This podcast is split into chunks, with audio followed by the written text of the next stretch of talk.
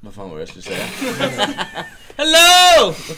Ah, ah, ah, ah. Nu jäklar avgår skeppet. Let's go! Oj, sorry. Oj, jag kör intro. Vad fan gör du? Du kör ju omkull den här jävla bussen. Gött att vara här. Vi sitter här på nästa avsnitt av coachpodden. Nu börjar vi dyka upp i så många antal så att jag knappt kommer ihåg hur många vi har gjort det. Men vi är inte uppe på tvåsiffrigt än. Jag tror att det är avsnitt nio, men skulle jag ha fel så får jag då reservera mig och be om ursäkt här på förhand. Men vi ska presentera dagens gäst. Fullständigt namn. Henrik Gitelius. Vad har du för Twitternamn? Alltså jag har ju två Twitters här nu då. Jag har ju, den som jag har haft länge heter ju Spursitten92. Gammal... Den anrika. Den anrika. Sen så har jag väl en ny, ny då, då som jag bara har egentligen där jag följer allt med inne, bara innebandygrejer egentligen. Nu har jag inte koll på namnet. Jag har inte varit inne och kollat på för mycket på min profil där. Utan det är mer ett följarkonto. Om jag säger så. Ja, men precis. Eh, ålder? Ja, 27 år. Blir 28 i år då, i december. Så att, eh, jag har en lång väg kvar tills det är dags för firande igen. Ja, men låter fint. Bor? Haninge. Eh, södra sidan av Stockholm. Jag tänker vi får börja med att bena ut lite hur, hur din egen liksom, koppling mot distriktslag och distriktslags-SM ut? Ja, nej, men jag är ju är distriktslagstränare för Stockholm nu då, på flicksidan eh, och vi, jag körde tillsammans med mina kollegor Mårten Storm, eh, Lisette Klang och Marie Numell eh, 03 här nu då, då som vann guld senast. Så att, eh, i Stockholm så skriver vi tvåårskontrakt med våra ledare så vi får chansen att replikera insatsen och förfina det som vi gjorde i senast helt enkelt i Gävle, nu i Nyköping. Hur, innan liksom du var med i staben, liksom, vad var din relation till det sexlags SM? Har du varit och kollat på turneringar eller liksom haft spelare med eller hur ser det ut? Alltså jag har ju, det är först och främst så har jag ju, jag har ju följt det varje år. Mm. Men jag har tyvärr inte kunnat vara på plats tidigare just för att det har varit uppe i Umeå, lite krånglig resväg, familjesituation och du vet allt sånt där. Mm. Man har alltid följt det på sidan och sen har jag ju haft i 02 nu så hade jag ju två, jag hade ju fyra killar som kom med eh, i stadslaget så att där var det ju naturligt att man följde dem ganska, ganska ordentligt. Och sen så um, 01 hade jag ett par stycken som var med väldigt långt. Eh, och 01 var ju ändå den kullen som jag coachat i under många år. Och, så det var ju också intressant att följa. Eh, men jag skulle säga att jag började följa det ganska ordentligt just vid 99 när de körde sitt stats, sista stadslagsår. Eh, för det var då jag kände att ja, dit vill jag. Helt enkelt. Ja, jag vill vara där och coacha liksom. För det känns som att det finns en ganska stor hype kring distriktslagen, kring liksom Stockholm. Ja, det är ju, det är ju meriterande. Alltså det, det ska man ju inte frångå. Eh, men jag tycker att ibland att hypen kanske blir lite överdrivet stor. För jag kan få upplevelsen ibland att många tror att deras karriär är över för att man inte kommer med i stadslaget. Och, alltså det är klart att det aldrig är kul att inte få chansen och dylikt. Men man ska aldrig glömma det. Att eh, man är bara 16 år. Man har hela sin innebandykarriär framför sig. Det finns så många spelare som har gått vägen förbi stadslaget. Det enda som sker egentligen kanske är att du får lite mer mediebevakning nu för tiden. Ja, men precis. Ja, men det, är ju, det är ju väldigt intressant och tittar man framförallt i Stockholm också, där är ju konkurrensen ofantligt stor om de få platserna. Ja men verkligen. Alltså det är många föreningar, många som nominerar mycket spelare och vi har ju över 120 000 licensierade spelare. Liksom. Och sen hur många som är i varje klass, det har jag inga siffror på. Men eh, det är ju så till att Stockholm har ju möjligheten att ha två lag i ålderskullarna om man skulle vilja det. Eh, men det är inte aktuellt. Men om vi bara tar ett rent eh, hypotetiskt perspektiv, borde det vara aktuellt? Sett till liksom antal spelare och sådana saker? Nej, det tycker jag inte. För att problemet är att vi har det är som tydlig norr och södersida om man säger som så. Och kvaliteten är ganska varierande från år till år. Jag tror att Stockholm som distrikt skulle bli extremt mycket svagare om man delade upp det till norr och, ett norr och sydlag till exempel. Eh, och sen så kommer det alltid bli så här problem med hur man ska dra linjerna för vilka som ska vara i norr och söder beroende på hur många som blir nominerade eh, till varje. Så jag tror att det, det blir mer bök och problem än vad det blir än vad det är givande. Eh, så att det, vi hade faktiskt den här diskussionen, det här har diskuterats men det, man har kommit fram till det att det, det är inte aktuellt. Det är intressant. Det är också, precis som du säger, det är en väldigt liten geografisk yta som innehåller så extremt många spelare. Ja. Uh, nu vet jag det var någon debatt i ishockey där man har två stycken ett nord och ett syd i TV-pucken. Mm. Jag tror inte att det är så längre, men tidigare var det nog så att då var det ditt postnummer som avgjorde vilket du tillhörde. För det var så många sydspelare som spelade i nord och tvärtom. Mm. Så då bytte man och spelade i nord för man visste att nords 03 var bättre och så, och så vidare. Så då fick man byta till postnummer. Ja, men för det, och det är det som är problemet att tittar du till exempel på en klubb som eh, om vi kan ta ja, men Hässelby som ligger på hästra sidan. Om det är Mm. jättemycket norrspelare från Täby, eh, från Bele och eh, Väsby och men du vet alla de här norrorterna i Stockholm. Ska Hässelby tillhöra södra sidan då? Eller ska det tillhöra norra sidan beroende på hur många nominerade som är från varje distrikt? Eh, och vilka som kommer med i sluttruppen. Det, är där, det blir så otroligt många fallgropar och det känns som att trupperna kan ändras ganska mycket liksom, under resans gång. Eh, så, och, som sagt, Stockholm skulle tappa, tappa sin slagkraftighet eh, om man hade två lag. Och det vill man ju såklart inte göra. man vill ju vara liksom i toppen. Ja, givetvis. Man, all, alla tävlingar vi deltar i det är ju någon form av vinstdriv och intresse. Är Jag tänker vi ska kliva in lite på fjolåret och liksom eh, ta den resan liksom lite sakta men säkert. Att, eh, någonstans under hösten där, liksom, att, hur kände ni då? Liksom, hade ni ett lag som kunde vinna eller vad var känslan? Och då tänker du på när SM-truppen sattes då egentligen? Ja, men kanske november, december så brukar väl eh, åtminstone liksom, eh, stommen vara ganska satt.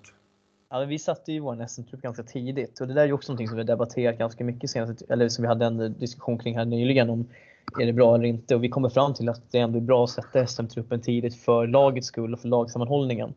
Och vi var väl alltid så här att vi vi, vi, tro, vi har alltid trott på våra spelare och vår idé. Eh, men sen så kände vi kanske att vi, vi var väldigt slagkraftiga på, på två femmor. Eh, men att vi kanske inte hel, hade bredden hela vägen för att eh, vinna. Men jag tycker ändå att vi fick ut mycket av våra spelare. Alla de spelare vi tog ut bidrog eh, på olika sätt och accepterade sina olika roller. Och det gjorde att vi eh, det växte fram hela tiden och det var en så otroligt homogen grupp vi hade som drog åt samma håll. Och det gör det hela mycket enklare. Ehm, så vi trodde nog ändå någonstans där när vi började såg att träningsmatchen gick bra, att vi verkligen fick ut mycket. De tog sig an det taktiska som vi hade lagt upp. Då kände vi verkligen att vi ska nog kunna gå för det här. Sen så trodde jag inte att vi skulle kanske gå hela vägen och vinna för jag tycker att det var tuff konkurrens av, om man tittar på förhand, Småland, eh, Västsvenska, eh, vad är det, norr... Jag, jag blandar alltid ihop de distrikten där uppe i norr, men om det var Norrbotten eller om det var Västernorrland. eller vad det är ju Sundsvall och Yxögänget och det där. Västerbotten. Västerbotten så var det. Trodde man ju liksom skulle vara riktigt vassa. Eh, så att, ta skit här av någon geografipodd eller någonting, men det, det får vi ta. ja, exakt. Eh, nej, men så att eh, vi trodde väl alltid, vårt mål var väl alltid semi. Alltså, vi vill komma hem med valör. Det, alltså Stockholm ska ju komma hem med medalj liksom. Och, så att det var väl liksom det, det viktigaste var egentligen att gå till semin. Eh, men eh, sen guld, det såg vi som en bonus, men vi hade ju vi har alltid utgått ifrån att vi är favoriter. Men när vi, har tag, vi hade tagit tre guld i rad innan liksom. Och eh, Stockholm har ju alltid den stämpeln. Och för oss handlar det mycket om att vi förbereder våra spelare. Vi kommer att ha den här stämpeln men det är ingenting som vi behöver bry oss om utan vi går in och gör vårat hela vägen. Och det gjorde tjejerna. Och så länge de gjorde det och hade den inställningen att de trodde på det vi gjorde och att vi hade satt ett tydliga mål och ambitioner och en faktiskt att vår prestation match för match ska ligga i fokus. Det gjorde, att liksom, ja men det varit bra. Så favoritskapet, det visste vi någonstans alla att vi hade men vi tänkte inte så mycket på det. Utan vi, vi gjorde vår grej. Mm. Det är spännande och sen tänker jag eh, så då kunde ni liksom ens ha en sån lite arbetsgång att man gick in med liksom från start att man var favorit liksom. Ja, men det, det var det vi sa redan första uttagningen egentligen. Att, eh, det är som så här, vi kommer, ni, kommer ni är här för att göra uttagningen för att ni ska representera Stockholm. Stockholm är alltid favoriter och det är alltid ett stort tryck på oss vad vi gör. Eh, och det är många distrikt som tittar på oss eh, och som vill, alla vill slå oss. Och den inställningen måste vi ha. Liksom. Vi måste veta att alla kommer gå in och göra sin bästa match mot oss. Mm. Jag tänker eh, själva ledaruppdraget kring ett distriktslag är ju ganska speciellt. att Dels kanske man inte har supermycket tid med spelarna. Det brukar ju vara x antal samlingar och träningar. Eh, men hur, hur svårt blir det att sätta taktiska saker utifrån att de spelar kanske på ett helt annat sätt i sina klubblag? det är såklart alltid en svårighet. Det vi märkte var tydligt att när vi hade längre perioder mellan våra samlingar då tappar man lite det som vi har gått igenom. Men vi var, jag tror att det handlar otroligt mycket om repetition. Eh, att vara tydlig med att det här i våran, vi ska, man, ska inte man kan inte vara för detaljerad i det taktiska spelet utan det gäller liksom att sätta tydliga grunder eh, som spelarna lätt kommer ihåg och klaffar att okej, okay, ah, men det var det där vi skulle göra. Och sen ju närmare man börjar SM, när det börjar bli lite tajtare, då kan man börja gå in och titta lite mer på detaljerna. Eh, så vi satte ju ganska tidigt, eftersom vi hade en ganska liten uttagningsgrupp i år, vi hade typ bara 70 spelare. För oss är det ganska lite. Eh, så det gjorde att vi fick jobba med gruppen med samma tjejer ganska många pass. Så att vi kunde tryckt på taktik redan på uttagning 2. Att okej, okay, nu ska ni gå in och försöka, vi vill att ni försöker lösa de här problemen på planen. Eh, och för, tänk på hur ni ställer upp i försvar, tänk på hur ni anfaller. Liksom, så att de fick liksom, vi gav liksom den första, vi jobbade liksom successivt med steg. Att nu vill, fokuserar vi på den här delen till att säga hur ska vi göra det i försvaret? Och sen när de såg att det funkade bra, då gick vi över på nästa del. Och det märkte man att vi satt, den satte vi ganska snabbt. Eh, mm. Så vi hade, jag tycker vi löste den taktiska biten väldigt bra. Eh, för, vi var ganska, för att vi var tydliga och vi var, jobbade successivt med att implementera olika delar i taktiska spelet över tid och inte allting på en gång. Eh, för vi la väldigt mycket fokus till exempel på ett försvars, försvarsspelet först och sen så repeterade vi, väldigt, alltså repeterade vi det väldigt mycket i träningstruppen. Och sen när vi började komma in på SM-truppen då började vi gå igenom mycket mer anfallsspel också. Hur jobbade ni Anpassade ni någonting utifrån motstånd eller jobbade ni bara liksom med sånt som ni själva kan påverka? Alltså vi, jag och min ledarkollega Mårten, vi satt och kollade på matcher, våra egna matcher och motståndarnas, någon av motståndarnas matcher liksom på hotellrummet under SM och sådär. Men eh, annars på förhand så vi, vi sa bara vi går in och gör vårat. Liksom. Vi är Stockholm, vi, vi rättar oss inte efter vad de andra gör. Sen så hade jag och Mårten, vi hade ju koll på lagen som vi möter, alltså vad de gör och vad de är bra på. Men till tjejerna så var vi väldigt tydliga med att vi fokuserar på det vi ska göra. För gör vi det, då vinner vi det här. Mm.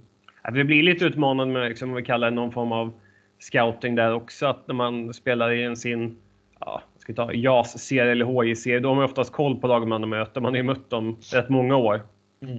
Eh, och vet vilka spelare. Men på distriktslags-SM så byter ju i stort sett nästan varje distrikt hela sin trupp. Det är några av de minsta, de får ju använda mindreåriga. Ja, men annars exakt. är det ju liksom helt nya lag. Men det är ju så här, jag har ju min, Mårten har ju mycket med, sitt, med Rotebro som han kör. Eh, men jag har ju lite, jag har ju haft ganska bra koll. Jag har ju varit med på olika läger till höger och vänster så jag har ju ganska bra, och jag är duktig på namn. Så jag har ju ganska bra koll på många spelare runt omkring i våra olika distrikt. Eh, så på det sättet så gick det ju att läsa sig till liksom om okay, vad är det här för lag vi kommer att, vad kommer de att ställa upp med för lag? Vad kommer vi ha? Mm. Eh, så på det sättet så hade man ju för, för eh, förinformation kan man väl ändå säga liksom, och vad man kan förvänta sig. Inte vissa, vissa lag. Ja, det är, det är intressant för det är även turneringsformen blir lite halvspeciell liksom med ett gruppspel. Eh, nu, är, nu är inte jag helt hundra på speltiden. Är det 3 x 15 Det är 3 x 15 Ja, exakt. Rullande tid med sista tre effektiva. Ja, exakt. Eh, vilket är liksom min uppfattning är ju att 3 gånger 20 då brukar det bättre laget liksom få en effekt av att de är bättre liksom i många moment någonstans i tredje. Men du kan ja. ju liksom på en 3 gånger 15 rullande så kan ju fortfarande bli väldigt skumma resultat tack vare att ett vad ska vi ta då? tekniskt något underlägset lag kan ju sätta en gameplan som gör det och gör det väldigt, väldigt bra. Plus att man kanske inte får igång spelet. Att, hur såg ni inför gruppspelet? Liksom? Hade ni stora funderingar bara, bara där? Liksom? Nej, utan vi, det var väl återigen där, vi tänkte inte så mycket på speltid utan vi tänkte att vi har 3 x 15 vi körde. Vi körde det på alla våra träningsmatcher också. Eh, så vi visste ju liksom om vad vi, vad är det för något vi behöver tänka på. Vi vet hur våra, vi, vi hade den här fördelen att vi testades ganska mycket i våra träningsmatcher på olika situationer. Vi fick testa på att leda med några sekunder kvar när motståndaren plockade keeper. Vi fick träna själva på att plocka keeper och ha anfallsspelare i slutet. Vi fick träna på PP, vi fick träna box, vi fick träna på att ligga under med 3-0 och hämta ikapp och vinna match. Vi fick känna på hur det var att leda och sen tappa. Så att det gjorde att vi ändå var, vi var ganska mentalt redo för de situationer som eventuellt skulle kunna uppstå på SM. Man skulle Så- säga så- det här med träningsmatcher brukar ju vara lite halvsvårt. Att vad är optimala motståndet om man tänker, jag behöver inte säga föreningens namn eller så här, men är det division 1-lag på damsidan eller superligalag eller andra distriktslag? Att, vad ser du som Jag- den optimala träningsmotståndare? Jag tycker inte distriktslagen är ett optimalt träningsmotstånd. Eh, just för att det är dels för att man kanske inte vill visa för mycket inför SM heller. Och jag tycker alltid att det är bra att man försöker att möta lag som spelar lite tuffare fysiskt än det man, och är lite äldre. För de har lite mer rutin. De ställer, de, jag tror de kan ställa mer frågor till det spelet som, som vi har och det som vi vill göra. Eh, och vi vet liksom om att okej, om det här är mer rutinerat gäng, då kommer de att spela på ett visst sätt. Och sen så tror jag att all, sen är det som så här när du möter ett annat S-satslag så tror jag att de vill också jobba med sin gameplan, liksom hur de ska göra. Jag hade lite dialog med de lagen vi mötte i träningsmatcherna, liksom att men kan ni göra så här i alla fall en period så vi kan få testa på i den här situationen. Och det funkade jättebra. Vi hade, så att vi fick ju ha jättebra träningsmatcher på det sättet. Vi vann, no, no, vi vann någon, vi torskade, förlorade någon och vi spelade oavgjort någon. Liksom. Så det var, för oss var det jättebra på det sättet. Ehm, och eh, sen så hade vi liksom det. Vi mötte ju uteslutande damdivision 1-lag i princip.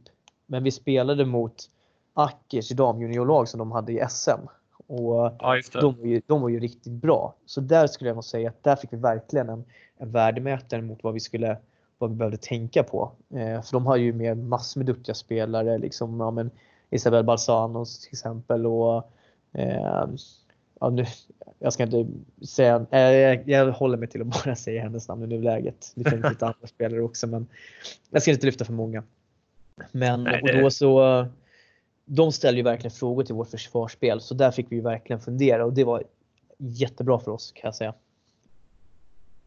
Ja, men det är spännande här, hela processen kring eh, distriktslag. Jag tänker vi ska ta några frågor som är mer om turneringsformen i sin helhet. Eh, det är lite här att just nu spelar vi ju distriktslags-SM när spelarna är 16 år gamla. Eh, Mm. Tycker du att det är en optimal åldern att spela vid 16 eller borde det ske tidigare eller senare? Alltså, jag, jag tror så här att det, det finns för och nackdelar med att spela ett år tidigare eller ett år senare, både och. Men någonstans så tror jag att ändå, jag tror ändå att det här är det bästa i nuläget. För att det problematiska är väl kanske då, men okej, den här personen har kommit in till gymnasiet, det kan skapa lite problem liksom som så. Man kanske inte, man tappar suget och inte har tid att satsa för att man satsar mycket i skolan och sådana saker. Men jag tror ändå att det är bättre att man gör det första året i gymnasiet än att man gör det till exempel när man går i årskurs 9. För då är det väldigt mycket tankar på framtid och vad du ska välja för skola och allt sånt där. Och då tycker jag att det är bättre att det, här kommer sen efter den processen. Och sen tror jag också att det sker, sker någon form av mental tillväxt när du börjar på gymnasiet också. Eh, för jag tror man inser lite mer allvaret i saker och ting. Sen börjar ju uttagningsprocessen redan innan sommaren egentligen. Det är lite Mm. olika från distrikt till distrikt, men i Stockholm gör det. Och eh, Sen tror jag att det är ganska bra för det, det är liksom sista året innan man officiellt blir en HJ-spelare. Om du förstår vad jag menar. I alla fall enligt Stockholms grund. Då är det ju liksom att då är det HJ17. Eh, så tycker jag att det kan vara en bra sista väg att avsluta pojklagsåren. Sen gör ju alla det ändå för de går ju upp och spelar juniorserier jättetidigt nu för, nu, nu för tiden ändå. Så det där är liksom lite blurrigt men jag tycker ändå att det är jag tycker det är en bra ålder någonstans också. Jag tycker den ligger bra där. Då. Eh, vi spinner vidare lite på just det här med eh, vi har frågeställningar lite svåra. Tidigare var det ju två stycken SDFS. Mm. Eh, dels 15 år och sen 17 år. Eh, Ja. Vad tycker du har varit optimalt? Är det att vi har ett som vi har nu eller att man skulle haft två? Jag tycker att det är optimalt med ett. Jag vet att två stycken har varit, många förordar det just för att de är okej. eh, du kanske inte, du kanske blir skadad eller någonting sånt där. Du kanske missar uttagningarna på grund av någonting och då vill man ändå kanske ha en andra chans. Men jag tycker någonstans att det blir mycket, SM har blivit mycket, mycket större nu när det bara har varit ett. Det blir mer bevakning på just den ålderskullen istället för att man ska ha två separata där man ska ha olika spotlights och dylikt. Jag tycker liksom att det blir det blir mycket bättre med, det här ett, med, här, med ett SM och att du där får konkurrera. Då gäller det verkligen att konkurrera vid det tillfället. Eh, för att sen tror jag också att ha två SM, jag tror att det blir bidrar till den här eh, stadslagshetsen att okej, du måste liksom spela stadslag liksom för att kunna komma någonstans. Eh, vilket inte stämmer. Du behöver inte, det, du kan gå den långa vägen också. Det är, Mm. det är många som gör den. Men jag tror, jag tycker att efter att ha gjort det här första året så tycker jag att det är en jättestor upplevelse för det är så otroligt stort SM. Man, man kan förstå inte det riktigt på sidan men när man väl är där och inne som ledare, alltså det, det är oerhört stort. Eh, och då tänker jag, ska man göra det här två gånger liksom på, sam, alltså på samma år? För det första så krävs det ganska mycket tror jag. Och då så ska man ha, dela upp styrkan egentligen på de här två olika SM. Eh, istället så tycker jag att det är bättre att man lägger all energi på ett SM och ser till att Mm. det blir sjukt bra för deltagarna, åskådare, eh, ledare, domare, men alltihop, arrangörer. Eh, jag tror produkten blir bättre utav det. Ja, det är Och ju sen också så en visst- utmaning för spelarna just att det här. Du går gymnasiet, du, allt som medföljer i livet. Eh, börjar pendla dit och liksom mer plugg Ja. och mer eget ansvar. Ja. Sen i samma skede så flyttas ju många upp i någon form av juniorverksamhet i sina föreningar. Där man Ja. kanske lämnar tryggheten med sitt gamla, till exempel då 01-lag med föräldratränare som man har spelat i sedan barnsben. Och så kommer det Ja. upp ny tränare, nya lagkompisar. Det är en helt annan tävlingshets i den miljön. Eventuellt. Sen kanske du går nio innebandy på det också, eller någon, någon lokal profil. Och ökar din träningsdos till dubbla och så har du distriktslag på det. Mm. Så att man ser ju också hösten är ju extremt påfrestande för de spelarna som tar sig långt. Och det är liksom så här, någonstans det som jag kan uppleva som man, nu när man var på sidan under Jag hade ju inget klubbuppdrag så under hösten medan jag hade stadslaget. Eh, och då, det jag märker är ju att många spelare tränar extremt hårt. Alltså, och för hårt. Man spelar för mycket matcher, man tränar för mycket. Eh, man, för att man, okej men jag måste vara redo för det här, jag måste vara redo för det här. Eh, men det, det är så fel väg att gå. Det, det, man behöver räcker med att köra tre träningar i veckan max och sen en match per helg. Då har du liksom, du är inne i en bra fas då. Men vissa är hetsiga, de, de ska göra så mycket poäng som möjligt för att de vet att det syns i statistiken. För det är klart att vi är ledare för SM sitter och kollar på statistik. Det, det är självfallet. Men det är en liten del i uttagningsprocessen. Vi kollar ju sen på spelartypen också. Det är minst lika viktigt. Och person, personlighetsmässigt. Eh, och att kunna vara medveten om sin träning och vilken träningsmängd man har och hur man eh, vilar kroppen och vad den, vilken, hur mycket prestationen klarar. Det är minst lika viktigt att ha den kunskapen. För det, annars så ser man det på uttagningen sen. Det var lite intressant också, du sa att du inte hade något uppdrag under hösten. Att var det svårt sen när väl matcherna med distriktslaget kom att man behövde någon liksom startsträcka för att man liksom inte, har inte tre träningar i veckan och matcher vanligtvis? Eller var det Nej, liksom men, nej, men jag, jag, jag tycker väl som så här. Vi försökte alltid ha någonting varje vecka från att våran SM-trupp sattes. Eh, och det lyckades vi nästintill med. Sen det kommer det alltid bli ett lov och sådana här saker. Och, eh, vi gjorde ju så att vi hade ju med alla våra spelare plus reserver på alla matcher. Eh, för att det är alltid så här att det är någon spelare som inte kan, någon blir sjuk och någon man har egen match eller någonting annat liksom som kommer i kläm. Eh, det var ju inte förrän i slutet de sista två matcherna där som vi började kanske eh, där reserverna kanske inte vara med lika mycket för då började vi närma oss började spela ihop verkligen gruppen. Mm. Och ska vara helt, men ska vara helt ärlig, våra femmor och sånt mässigt hade vi jättedåliga förutsättningar för vi hade aldrig, vi hade aldrig tre, våra tre korrekta femmor en enda träningsmatch. För det var alltid någon borta eller dylikt. Så att, Ja, eh, så att vi, hade, vi, var, vi hade inte fått ihop våra femmor så otroligt mycket inför SM. Men vi hade fått ihop delar av femmorna som satt väldigt bra. Eh, men jag skulle nog säga ändå att det krävs bara en tydlig planering eh, och att man ser till att göra det bekvämt för spelarna när de kommer till uttagningstillfället. Liksom att okay, men in dem snabbt eh, i vad som gäller och låt dem få jobba med det. Vi hade till exempel samlingar innan där vi, prat, där vi gav dem uppgifter att, som var kopplade till våra typ, taktiska spel. Så att vi innan träningen går upp på planen så vet de om att har de fått liksom en liten reminder eller påminnelse om att det är det här vi gör, det är det här vi, ska, vi eftersträvar. Och det funkade jättebra för oss. Och det, du pratar lite om det här, liksom, att man känner sig trygg i miljön och liksom, de sakerna. Då kommer vi lite till min, eh, min nästa fråga. Det är ju det här när man väl åker iväg på distriktslags Det brukar ju vara en vattendelare i, genom alla tider, den här eviga boendefrågan. Att, eh, vad är det optimala? Bo på skola eller bo på hotell? Ja, jag skulle ju säga som så här. Eh, vi mötte ju Uppland i semifinalen eh, och Uppland står vid skola. Vi står på hotell. Vi har, har pannben att gå in och avgöra med två sekunder kvar. Det, säger, där har du svaret. Hotell alla dagar i veckan. Nej men skämt åsido. Eh, Ja, jag, jag måste bara få kontra här att i pojkarfinalen så mötte ju Småland som bodde på skola Östergötland som bodde på hotell. Va?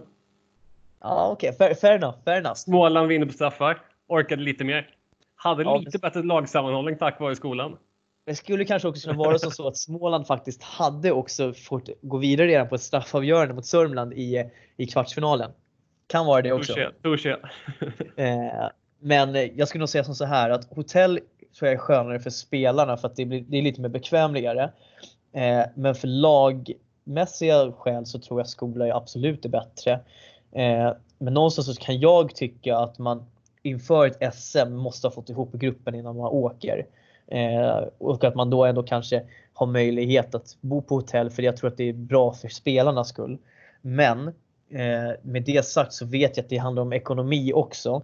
Och på det sättet så tycker jag att man ska inte sänka skola heller. Utan jag tror att det är, man får nog se verkligen till sin grupp. Liksom. Alltså vad behöver gruppdynamiken det eller inte?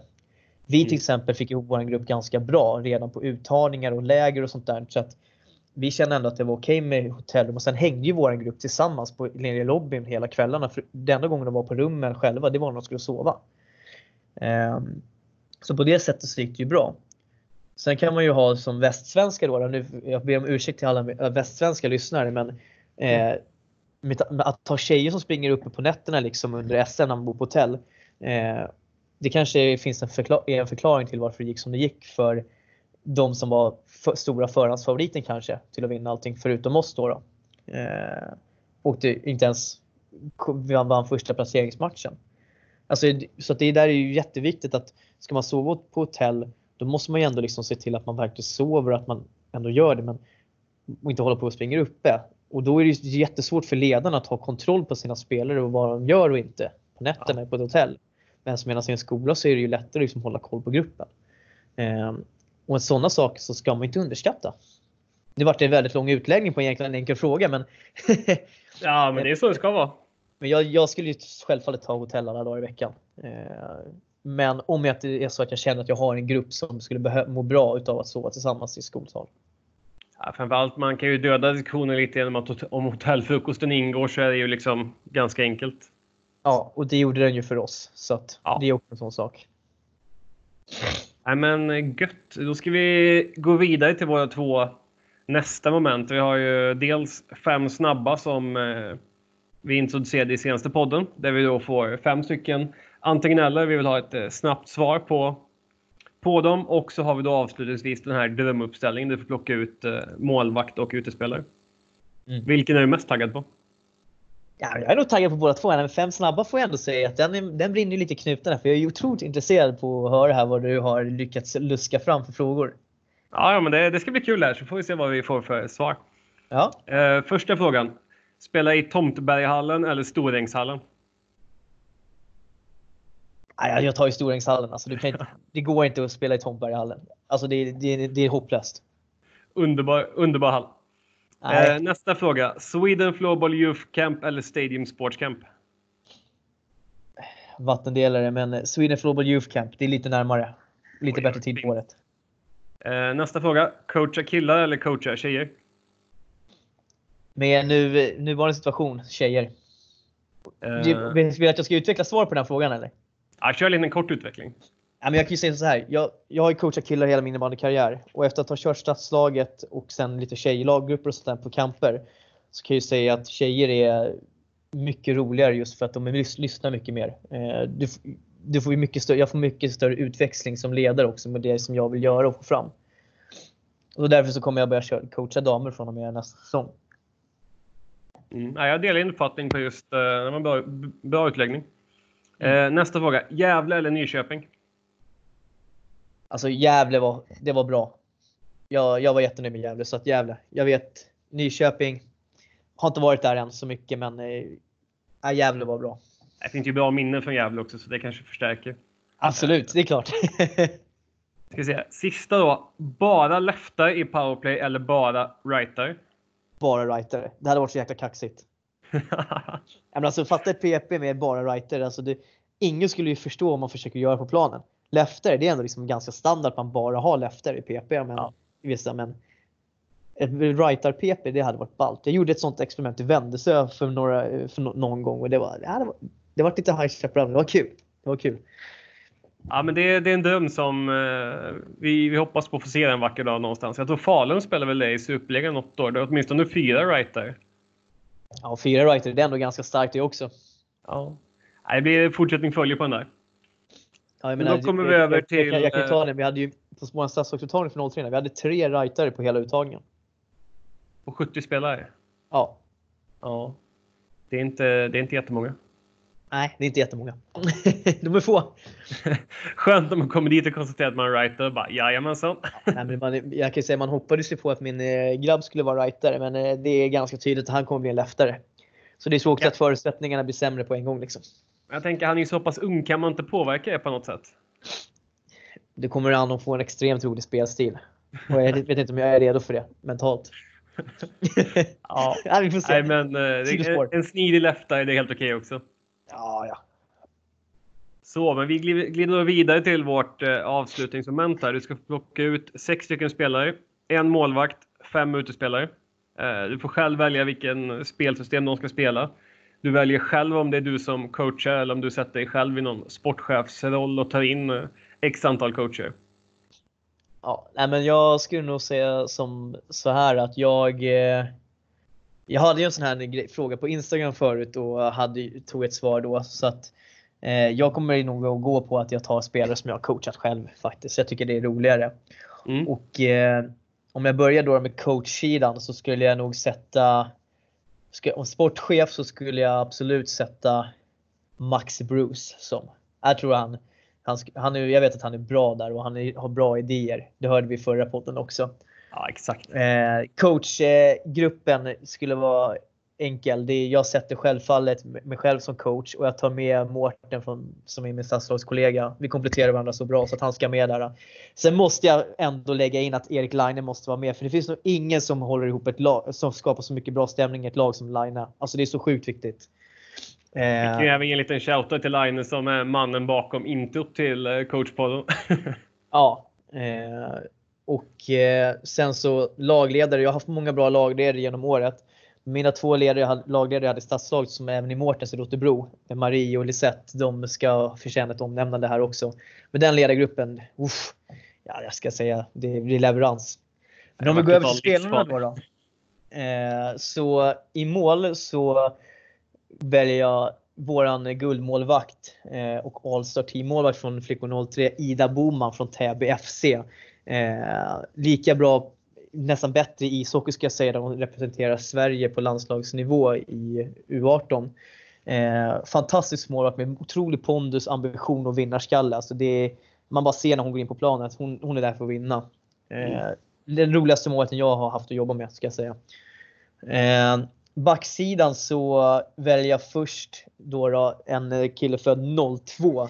Noel Johansson. Eh, en fenomenal defensiv back som jag hade äran att coacha under två säsonger i Vändelsö. Spelar i TTs A-lag nu, eller Tyresö Trollbäcke då för er som inte vet om vad TT är. Eh, otroligt mångsidig, rightare såklart. Eh, vinner så otroligt skicklig på att vinna boll och bryta. Men framförallt så har han en stor offensiv uppsida som jag hoppas kommer att komma fram mycket, mycket mer nu. Eh, säsong för säsong. Men det finns, jag tycker att Noel är kanske en av de bästa 02-backarna i Sverige. Och det, det håller jag högt. Eh, Mm. Vissa kommer kanske inte hålla med mig, men det är det jag anser. Eh, den andra backen, det blir hans backkollega som spelade med honom under min första säsong i Vändelsö. Han heter Lukas Alberyd. Har tyvärr slutat nu på innebandy, vilket är jättetråkigt. Men han var, alltså också, han var en, jag tror att han, att han inte kom med i Stockholms stadslag, det var, ett, det var helt sinnessjukt i min mening. Det fanns inte en enda back som var bättre än honom defensivt i Stockholm. Och dessutom det året som jag började så fick jag verkligen fart på hans offensiv också. Eh, Det är en sån kille som, han vinner varenda duell. Han är brytningssäker, han vågar driva bollen framåt. Snabb som ett hus. Och det är en väldigt introvert spelare. Det är ingen kille som brusar upp utan han är så otroligt lugn på planen. De två var ett sylstarkt eh, backpar. Kan jag säga. Det låter stabilt. Eh, om vi går på centerpositionen så väljer jag självfallet vår, en av våra eh, vår första center i stadslaget, Saga Emtell. Eh, varit uppe och spelat på allsvensk nivå i hela säsongen, gjort det jättebra där i Hammarby. Eh, och eh, var, gjorde kanske inte så mycket poäng som jag trodde att hon skulle göra i SM, men alltså det jobbet som hon gör i försvarszon och anfallszon är grymt häftigt för 03. Och dessutom så är hon, hon är så långt ifrån en diva man bara kan komma. Det här är en tjej som verkligen vill sätta upp sina lagkamrater och verkligen se till att laget presterar för sig själv. Eh, en given center för mig som kan jobba i båda riktningarna. Är det en klassisk 2-2 eller? Ja, det blir en klassisk 2-2. Ja, 2-2-1, jag vet inte. Det där är något konstigt som eh, innebandy Sverige håller på med. Nej, skämt åsido. Eh, sen då, då på vänstervingen så tar vi en eh, rightare då, då, även han som jag hade i Vendelsö 02 spelar i Tyresö Trollbäcken nu också. Eh, Jesper Lagemyr. Eh, nyligen också fått vara med på det här breddläget för U19-landslaget på Bosön. En, riktigt eh, fin spelare. Ja, extremt explosiv spelare. Mycket fart, älskar att bryta in och sätta upp den lite retligt i nättaket. Eh, gör mycket poäng och är duktig tekniskt. Men det som jag nog tycker är bäst med Lagemyr det är hans defensiva jobb som forward. Han är alltid först hem, han är alltid i skottlinjen, täcker hur mycket skott som helst och vinner sina dueller i försvarszon. Otroligt svårplacerad trots att han är ganska liten till storleken. Så är det inte det där en kille man rubbar på. Och sen så är han ju en jäkligt bra trashtalker. Det måste man alltid ha i en, en bra femma. Underbar egenskap. Verkligen. Den ska premieras. Eh, den sista, det, det är, där skulle jag kunna sätta många faktiskt på min högervinge men jag väljer faktiskt återigen en spelare här från Vändelsö som fortfarande spelar. Han heter Albin Abate. Eh, sjukt, riktigt sjuk sniper. Eh, jättebra teknik eh, som kan, och kan kombinera det med ett ganska snabbt avslut. Eh, det, han skulle behöva lite bättre fysik skulle jag säga, alltså lite snabbare. Eh, och skulle han få till det, då skulle han kunna spela på herrettan utan problem idag. Han har storleken, han har tyngden, han har skottet, han har blicken. Alltså han har det mesta man behöver. Men han är otroligt trogen vändelse och spelar fortfarande i herrfyran. Jag tycker det är lite för lågt, men eh, han, var, han, är, han är riktigt bra. Så har vi, då känner jag att jag har en bra balans på min femma där. Jag har en sniper, jag har en jobbare, jag har en uppläggare, jag har två rediga backar som kan hota offensivt och defensivt och så har jag en all-star keeper. Perfekt. Synd bara att inte alla är writer. Nej, utan jag har ju två writer bara. Så att, men eh, det är bra. Jag har, en, eh, jag har ju en writer på ena backen och på vänstervingen så har jag en writer där också. Så det är perfekt. Ja, Storm i ledarstaben är ju högerfattad också så han kan nog kliva in i PP. Ja, men jag har ju hört det där att om jag plockar keepern då är han redo. Han står där med grejerna på bänken vet du, och är redo att hoppa in. Det, är, det finns ju ingen som är lika bra på att hylla sig själv som spelare än Mårten Storm. det är också en fin egenskap. Ja, men det, jag, absolut. Jag har faktiskt tänkt på någon gång, alltså vissa tränare står ju faktiskt ombytta i nästan liksom, alltså shorts, träningsskor, eh, har med klubba på uppvärmning för att kunna skjuta på målvakt. Att det hade varit lite kul på en uppvärmning i en match att ledaren är med och värmer upp liksom i matchställ och allting bara för att det ska liksom bli lite psykning för motståndet. De kommer ju undra vad fan han håller på med. Ja men verkligen. Vi måste, vi måste ställa, jag måste ställa en fråga, en vattendelare så här också. På det. När man coachar, är det krav på att ha jeans eller chinos eller är det OK att stå och coacha i träningsoverallsbyxor? Oj, nej alltså den, det, jag är ju extremt kinkig med vad jag ska coacha i. Jag måste ha ett par typ vita sneakers. Chinos är okej, okay, men jag har ett par gråa som passar till. Jag har ju nästan alltid haft svart coachpiké. Ja. Jag tycker det blir snyggt. Um, och sen vill jag ha piké. Det ska inte vara någon tjockärmad luvtröja och skit. Och jag vill inte ha tusen olika sponsortryck på min piké. Utan jag vill ha en ganska clean med föreningens logga och sen mm. ja, that's it liksom. Inte någon Verkligen. stor blaffa med tryck bakom det står A eller någonting. Verkligen. Ja, jag var ju så här, jag kunde köra träningsoverallen vet du, ganska mycket när jag var coachade innan stadslags Sen kom man dit och då har man vår sportchef Alexander Westman. Du coachar inte i träningsmjukisbyxorna på bänken. Och så Mårten, då. Du coachar inte mjukisbyxor på bänken. Och så bara mm, mm. Och så eh, slutade med att jag gjorde det en match. Det var mot Västmanland. Då lyckades vi kvittera i slutet. Eh, så, så då vart Mårten efter. Ja, då blir det inga mer mjukisbyxor för dig utan nu kör du jeans och, eller chinos. Sa jag det, men ja, fan, jag har glömt skärpet till jeans, jeansen. Åker Westman då, vår sportchef, han åker och köper ett skärp åt mig. Bara för att jag ska vara på. Ja, det är ändå bra. Ja, det är ändå bra. Alltså, det var en liten off topic, men jag tänker kul att avsluta med en liten off topic grej bara. Det är, man vet ju att det är en vattendelare. Ja, nej, men den, den tycker jag är viktig. Det är, uh, det är ju någon del i att man bygger upp till sig själv också. Att man har kanske vissa rutiner eller sådär som vissa kan ha. Men för min del, alltså kläderna är viktigt. Mm, ja, men Måste exakt. kännas bra. Ja, men det är ju så här, alltså man märkt. Jag, är ju inte, jag har inte så jättemycket rutiner i en match, men i Mårten till exempel, han har ju typ tusen rutiner. Ja, det är intressant. Det kan vi alltså hitta någonting som man kanske kan störa ut. Ja. Nej, men vi, vi kan ju säga så här. Du ser ju inte Mårten på en uppvärmning i början eh, på planen, utan han, han, tar, han tar en vända genom arenan eh, och tänker lite och det tycker jag är helt okej. Alltså det är rensa tankarna lite och vara ladda upp på sitt sätt. Mm. Men ja, sidospår. det är de vi älskar, det är de vi lever för. Det är lite så. Så att, eh, men vi säger ett stort tack för att du har medverkat i eh, coachpodden avsnitt 9. Ja, tack så jättemycket. vad trevligt att få vara med.